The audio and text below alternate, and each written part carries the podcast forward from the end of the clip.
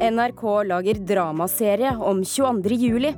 Terroristen blir ikke en del av serien. Han fortjener ikke en plass i en slik historie, sier serieskaper. Og kald og kjedelig Justin Bieber. Konserten i går kveld ble en skuffelse for vår anmelder.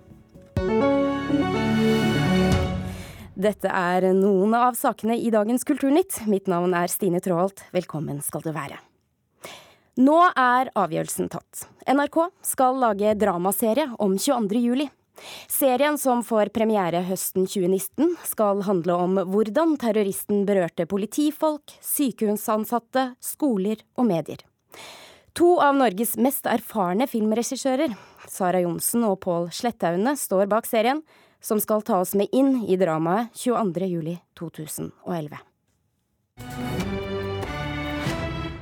God eh, ettermiddag og velkommen til en eh, ekstra nyhetssending. Slik starta programleder Jarle Roheim Haakonsen den første ekstrasendinga til NRK etter terrorangrepet i Norge for seks år siden. Åtte mennesker ble drepne etter at ei bombe ble sprengt i regjeringskvartalet. Ytterligere 69 mennesker ble drepne da terroristen angrep sommerleiren til AUF på Utøya. I den nye dramaserien til NRK vil historiene til de som ble berørt av terroren gjennom arbeidet sitt, være tema. Det vi gjør, er å prøve å gjøre et første forsøk på å fortelle hendelsen med de som var på en måte ikke de primærofrene, men på en måte folk som ble rammet av en slags ringvirkning av terroren. Sier regissør Pål Sletaune. Manusforfatter Sara Johnsen forteller hvorfor de direkte berørte ikke er hovedtema. Historien direkte om det som skjedde på Utøya eh, og det som skjedde i regjeringskvartalet, det tilhører de som var der de kan i hvert fall få muligheten til å fortelle sin historie, før vi andre tar oss den friheten. I over tre år har Johnsen og Sletaune jobba med TV-serien. Karakterene i serien blir fiktive, men historiene bak kommer fra ekte mennesker. De som redda de skadde, begravde de døde, og til slutt dømte den skyldige. Terroristen Anders Behring Breivik blir ikke en sentral del av historien. Han er ikke med fordi han har ikke noe plass i historien. Fordi han er jo den som utførte terroren. Og denne serien handler om de som ble berørt av terroren. Og jeg vet ikke. Han fortjener ikke heller, eh, syns jeg, en, en, plass i en sånn historie. Med over 70 millioner kroner i budsjett starter opptakene til serien i april 2018. Planlagt sendedato er høsten 2019. Fra før er det laga bøker og teater, i tillegg til at en spillefilm er planlagt. Dramasjef i NRK, Ivar Køhn, mener en TV-serie gir andre muligheter. Den formen og det formatet som TV-drama gir, skaper muligheter til å reflektere rundt det som skjedde på en helt annen måte enn det som vi har sett tidligere. Dette blir jo en historie ikke bare om 22. juli, men også om hva som former oss som mennesker, og hva som former et uh, samfunn. I arbeidet med serien har en vært i kontakt med støttegrupper og berørte av terroren. En mener derimot at tida er moden for en serie. Sletaune mener både han og andre historiefortellere har et ansvar om å fortelle noe om verden vi lever i. Jeg tror at egentlig Det som jeg tror er det verste med 22.07, er at hvis man skal glemme, late som man skal glemme det, at det ikke har eksistert. For at hvis det skjer, det er den største forbrytelsen, syns jeg. Det er bedre at vi er nødt til å begynne å fortelle de historiene. Reporter Hans Olav Riise. Kringkastingssjef Tor Gjermund Eriksen, velkommen. Takk. Hvorfor vil NRK lage en dramaserie om 22. juli? Dette er en helt unik og grusom uh, historie uh, som vi har uh, felles i Norge. Alle vi som lever i dag, opplevde det. Det er kontroversielt, men jeg tror, som det ble sagt i dette innslaget òg, at vi må tørre å se på det, tørre å løfte det opp. Og da mener jeg det er NRKs oppgave å nærme seg denne type hendelser. Og der er drama en, et, eh, et, veldig bra grep og virkemiddel. I drama så tør vi å ta tak i det kontroversielle. Vi tør å gå innpå det. Vi tør å løfte det opp. Og drama skaper også debatt og refleksjon og deltakelse i den, i den historiske hendelsen. Men likevel, tenker du at en slik dramaserie bør trå litt varsomt her av hensyn til alle de som er berørt av denne hendelsen? Ja, det tror jeg. Eh, og det er viktig. Og det syns jeg jo at nå er det eh, skaperne som har sin kunstneriske frihet. Vi skal huske på at den reelle hendelsen er et bakteppe, en veldig viktig og reell ramme. Men det er også fiksjon. Det er drama, rett og slett. Men det skal gjøres med, med absolutt respekt. Og, og, her er jo selve det som skjedde på Utøya, er et veldig tilstedeværende bakteppe. Men det er ikke det først og fremst historien snakker om. Men jeg tror ikke vi skal ha en illusjon om at det går an å nærme seg et sånt tema uten at det blir diskusjoner. Uh, uten at ikke alle er enige om at dette var riktig måte å gjøre det på. Men det er jo noe av hensikten også med, med en slik, uh, slik serie. Mode Steinkjer, filmkritiker og kulturredaktør i Dagsavisen, velkommen til deg også. Er dette en god idé, syns du? Det vil alltid være et spørsmål om når kan man lage en dramaserie basert på så forferdelige hendelser som 22.07 er. Eh, for mange så tror jeg at eh, dette er en historie som aldri kan fortelles. Det blir aldri tidsnok. Eh, men jeg tror at nå har det gått lang nok tid. Man har hatt andre mm, fortellinger om det. Terroristens fortelling er fortalt gjennom bøkene til både Åge Borchgrevink og Åsne Seierstad, for å nevne to av dem. Da tenker jeg at det er på tide å fortelle de små historiene rundt 22.07, som til sammen danner en veldig stor historie om Norge og, og norskheten. Og en dramaserie som er produsert av NRK, eh, fortalt på en riktig måte, tror jeg kan være riktig inngangsport til det. Ja, vi hørte her at serieskaperne sier at terroristen ikke får plass i denne historien. Eh, riktig avgjørelse, tenker du? Jeg tenker at eh, hans uh, historie er fortalt. Eh, mm. Han har dessverre også greid å fortelle den veldig godt selv. Eh, og det er andre filmer, det er teaterstykker som, som bringer hans stemme inn eh, i offentligheten uansett. Jeg tenker at en, en dramaserie som handler om alle de som ble berørt. alle de som, som, fortsatt er berørt, men som kanskje glemmes litt fordi at hans stemme dessverre fortsatt er veldig sterk, er en god idé. Og jeg tenker at det er en god tilnærming til, til historien. Eriksen, du sa her at serieskaperne har full kunstnerisk frihet. Mm. Men har dere likevel blandet dere bort i denne avgjørelsen om at terroristen ikke skal få en plass? Nei, det har vi faktisk ikke. Er du glad for men, det, da? Men jeg følger Sara Johnsens argumentasjon uh, og har stor sympati for den. Og jeg, jeg, jeg, har tenkt om denne hendelsen etter 2011 at alle, med unntak av de aller yngste som lever i Norge i dag, har en egen opplevelse av dette. Og det er viktig at det er lov å ha ulike opplevelser og ulike refleksjoner knytta til det som skjedde i 2011.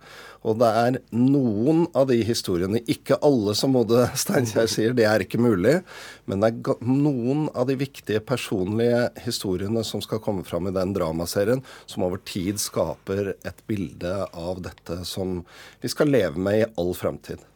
Mode Steinkjer, du som filmkritiker, ser du noen uh, fallgruver her? I en sånn serie så vil det alltid være fallgruber. Jeg tror den største fallgruben, eh, hvis man ser på det som en dramaserie, er jo at dette må bli bra. Eh, jeg tror at en Vanskelig, da? det er vanskelig. En, en dramaserie om 22.07 tror jeg kanskje er noe av det vanskeligste man kan lage. Fordi mm. det vil være ulike og veldig store forventninger til det. Eh, jeg tror også det er en fallgrube at man vil møte kontroverser. Det vil være mange som er imot dette her. Eh, bare tenk på minnesmerkediskusjonen rundt Sørbråten i Hole kommune. Eh, og da tror jeg at man vil hele tiden måtte spille på lag med de som var berørt, for å kunne få en sånn serie opp på beina. Pål Slette og Sara Johnsen er blant våre mest erfarne og dyktige filmskapere og serieskapere. og og når Mode Steinkjer sier at dette er noe av det vanskeligste man kan gjøre å nærme seg, det er jo nettopp derfor vi i NRK eh, skal være de som tør å gjøre det. Hvor mye penger eh, får de til rådighet for å gjøre Nei, dette? altså Budsjettet er på ca. 70 millioner, så dette er og definitivt sett i sammenheng i en Nei, dette er definitivt en storsatsing på linje med Kampen om tungtvannet, eller litt under det. Eh, men det er ikke mye penger i forhold til internasjonale storserier. Men det er en storsatsing for NRK som skal levere høy kvalitet og en historie som skal berøre. Og det er eh, i hvert fall intensjonen at dette skal være klart i 2019. Tusen takk, kringkastingssjef Tor Gjermund Eriksen og filmkritiker og kulturredaktør i Dagsavisen Mode Steinkjer.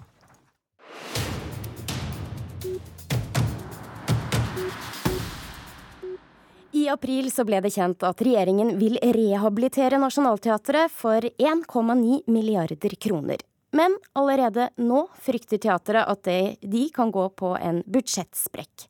Reporter Mari Sandmalm, hva er årsaken til dette? Teatret frykter at regjeringen ikke har tenkt på tilrettelegging for funksjonshemmede. Det skriver Dagbladet i dag. Ledelsen ved teatret sier nå at de er usikre på om det er mulig å holde rehabiliteringen innenfor budsjettet pga. dette her. Men Kulturdepartementet opplyser til Dagbladet at summen på 1,9 milliarder kroner inkluderer tiltak for å forbedre tilgjengelighet og universell utforming. Og så et hopp til filmskaper Michael Moore. Han lager nemlig en varsleside for eh, president Donald Trump. Hva er dette for noe, Mari?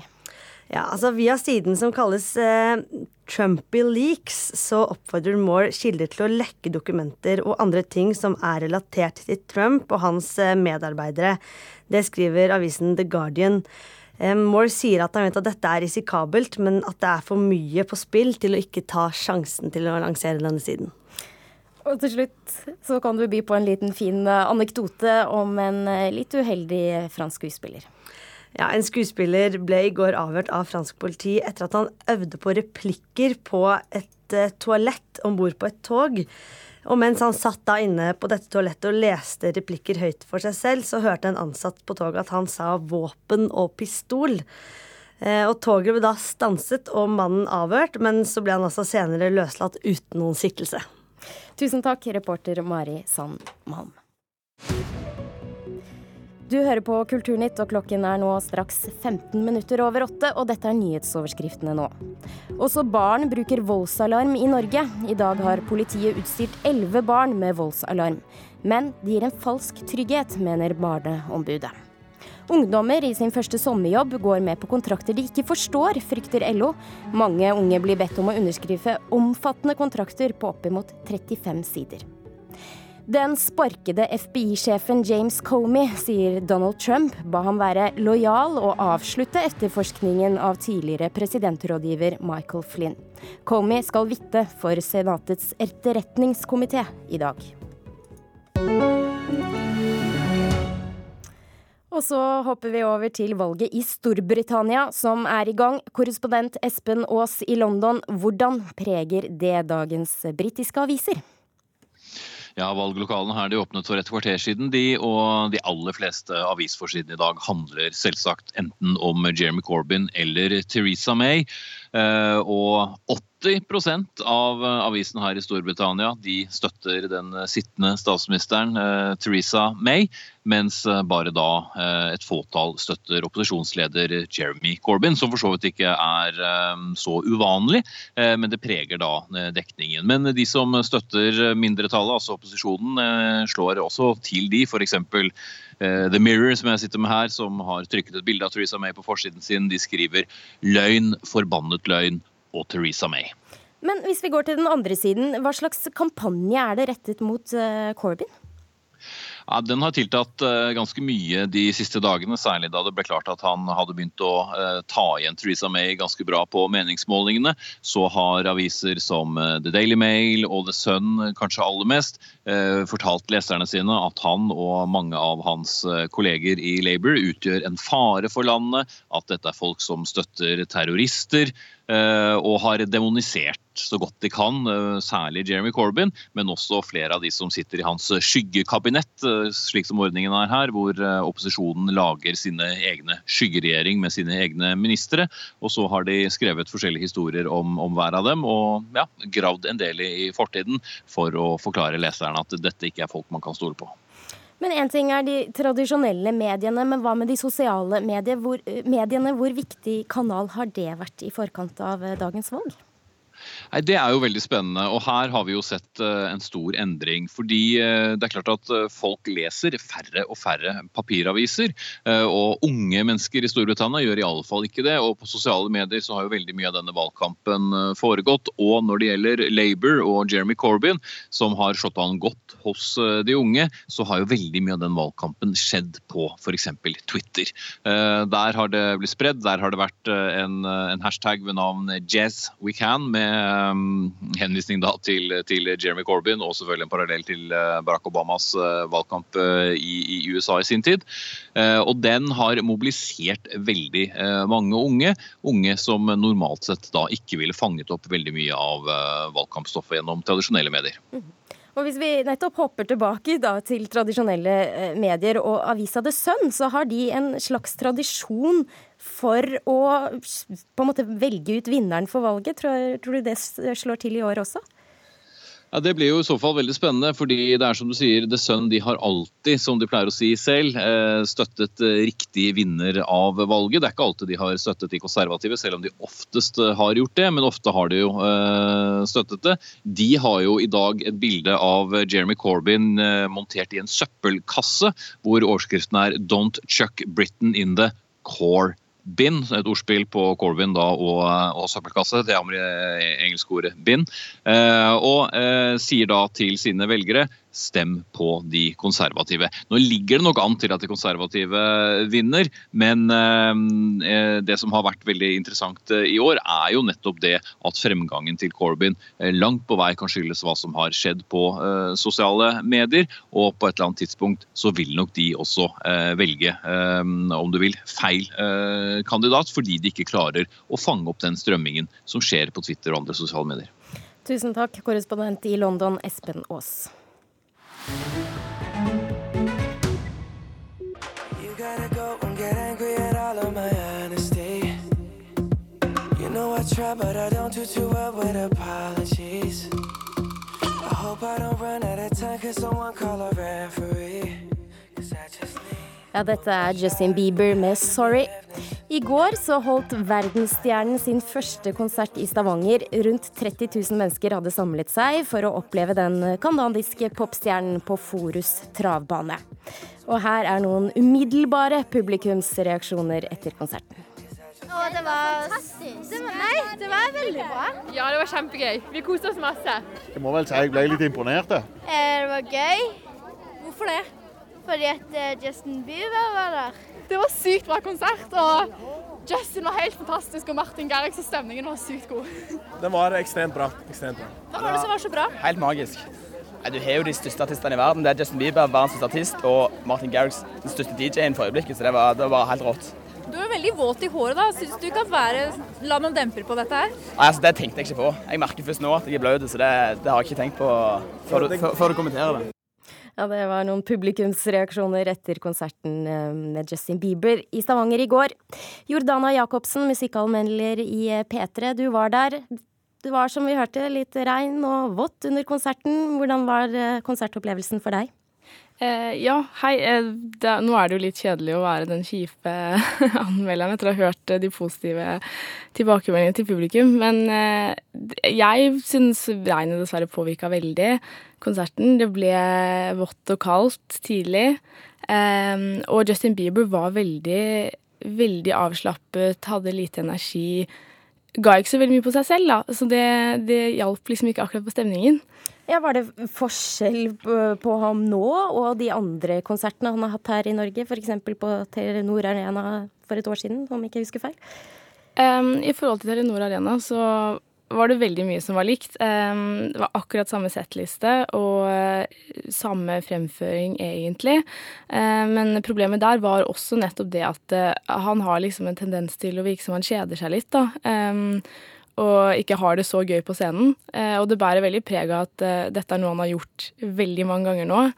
Så jeg tror kanskje han har begynt å bli litt for trygg på at publikum kommer til å like det uansett, da, fordi han er den han er.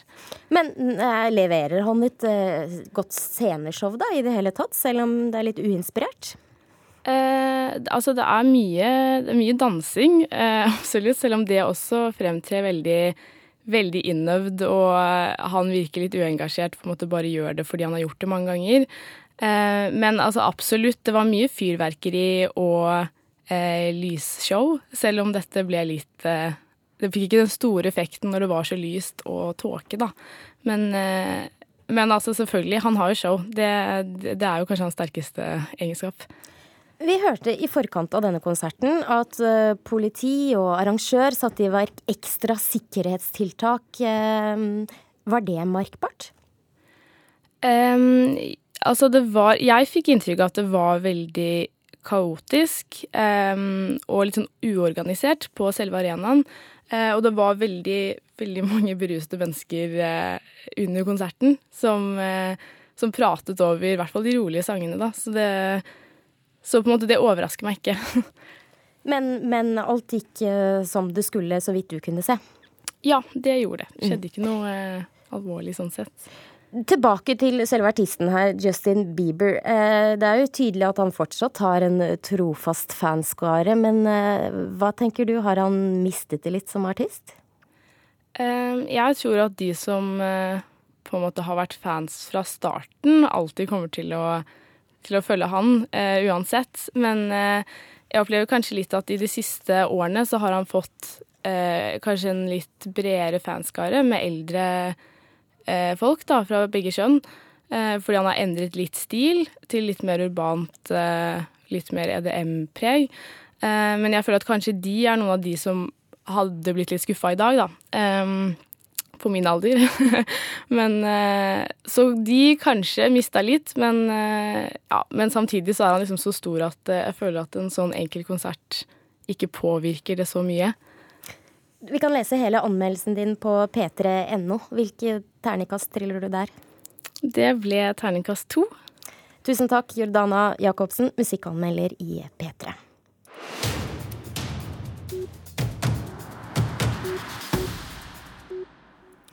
Barnet til Øyafestivalen, Miniøya, er en årlig musikk- og kulturfestival for barn og unge som arrangeres i Tøyenparken i Oslo.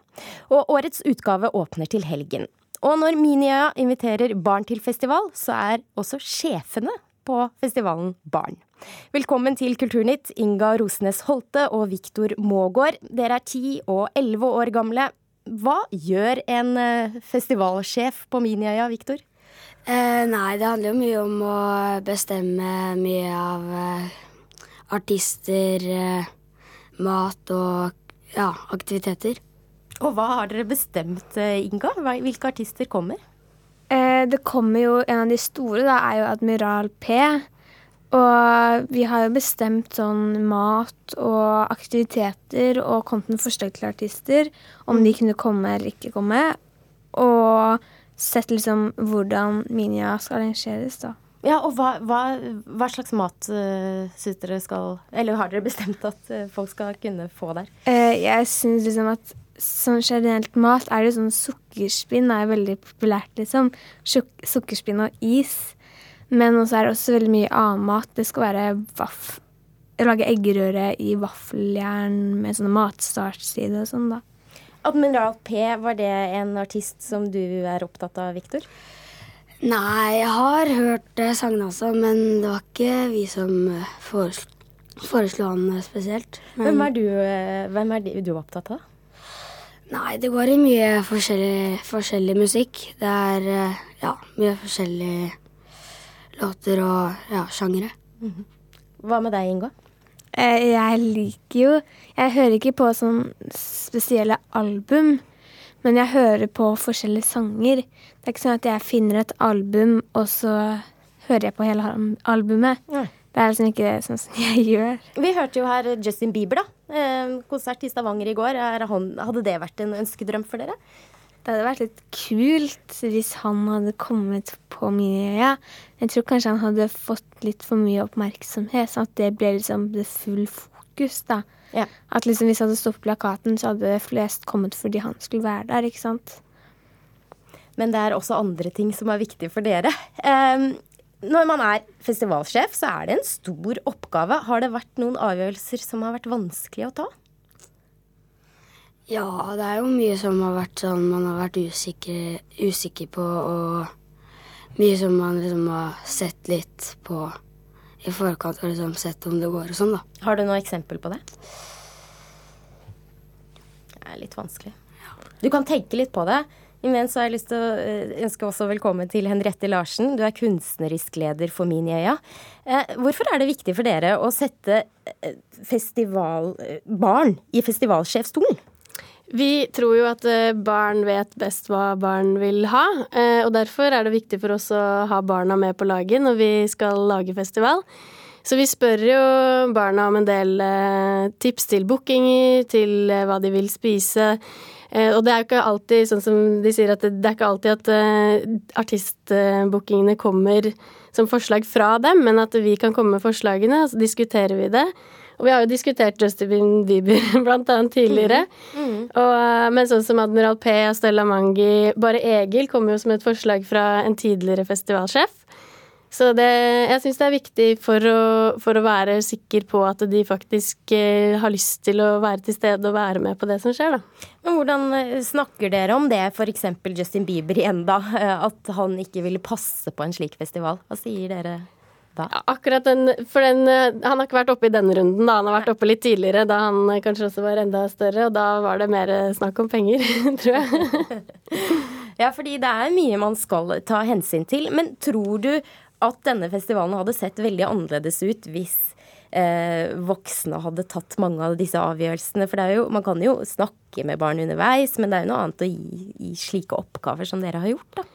Ja, jeg tror det er viktig å ha med barna, men så tror jeg jo også at det er viktig at, uh, at man kommer også litt med erfaringene, og at man kan ta diskusjonene, og at man må gjerne som voksen komme med noen forslag. Uh, og så tror vi jo også det å introdusere barn for ny musikk det er kjempeviktig, og det er jo det vi ser på i forhold til at de, de er på YouTube og, og, opplever musikk og finner musikk der. Eh, og da er det jo gjerne kanskje én og én låt fra artister, og ikke liksom hele album. Og så skal du jo ha helheten, du skal ha hele konsertopplevelsen. Du skal ha eh, de tingene der da, som har veldig stor betydning for eh, vårt publikum, og da tror jeg det er viktig at vi også bidrar inn med å komme med tips til hvilke artister vi skal ha. Og dere da, to festivalsjefer, hva gleder dere dere mest til?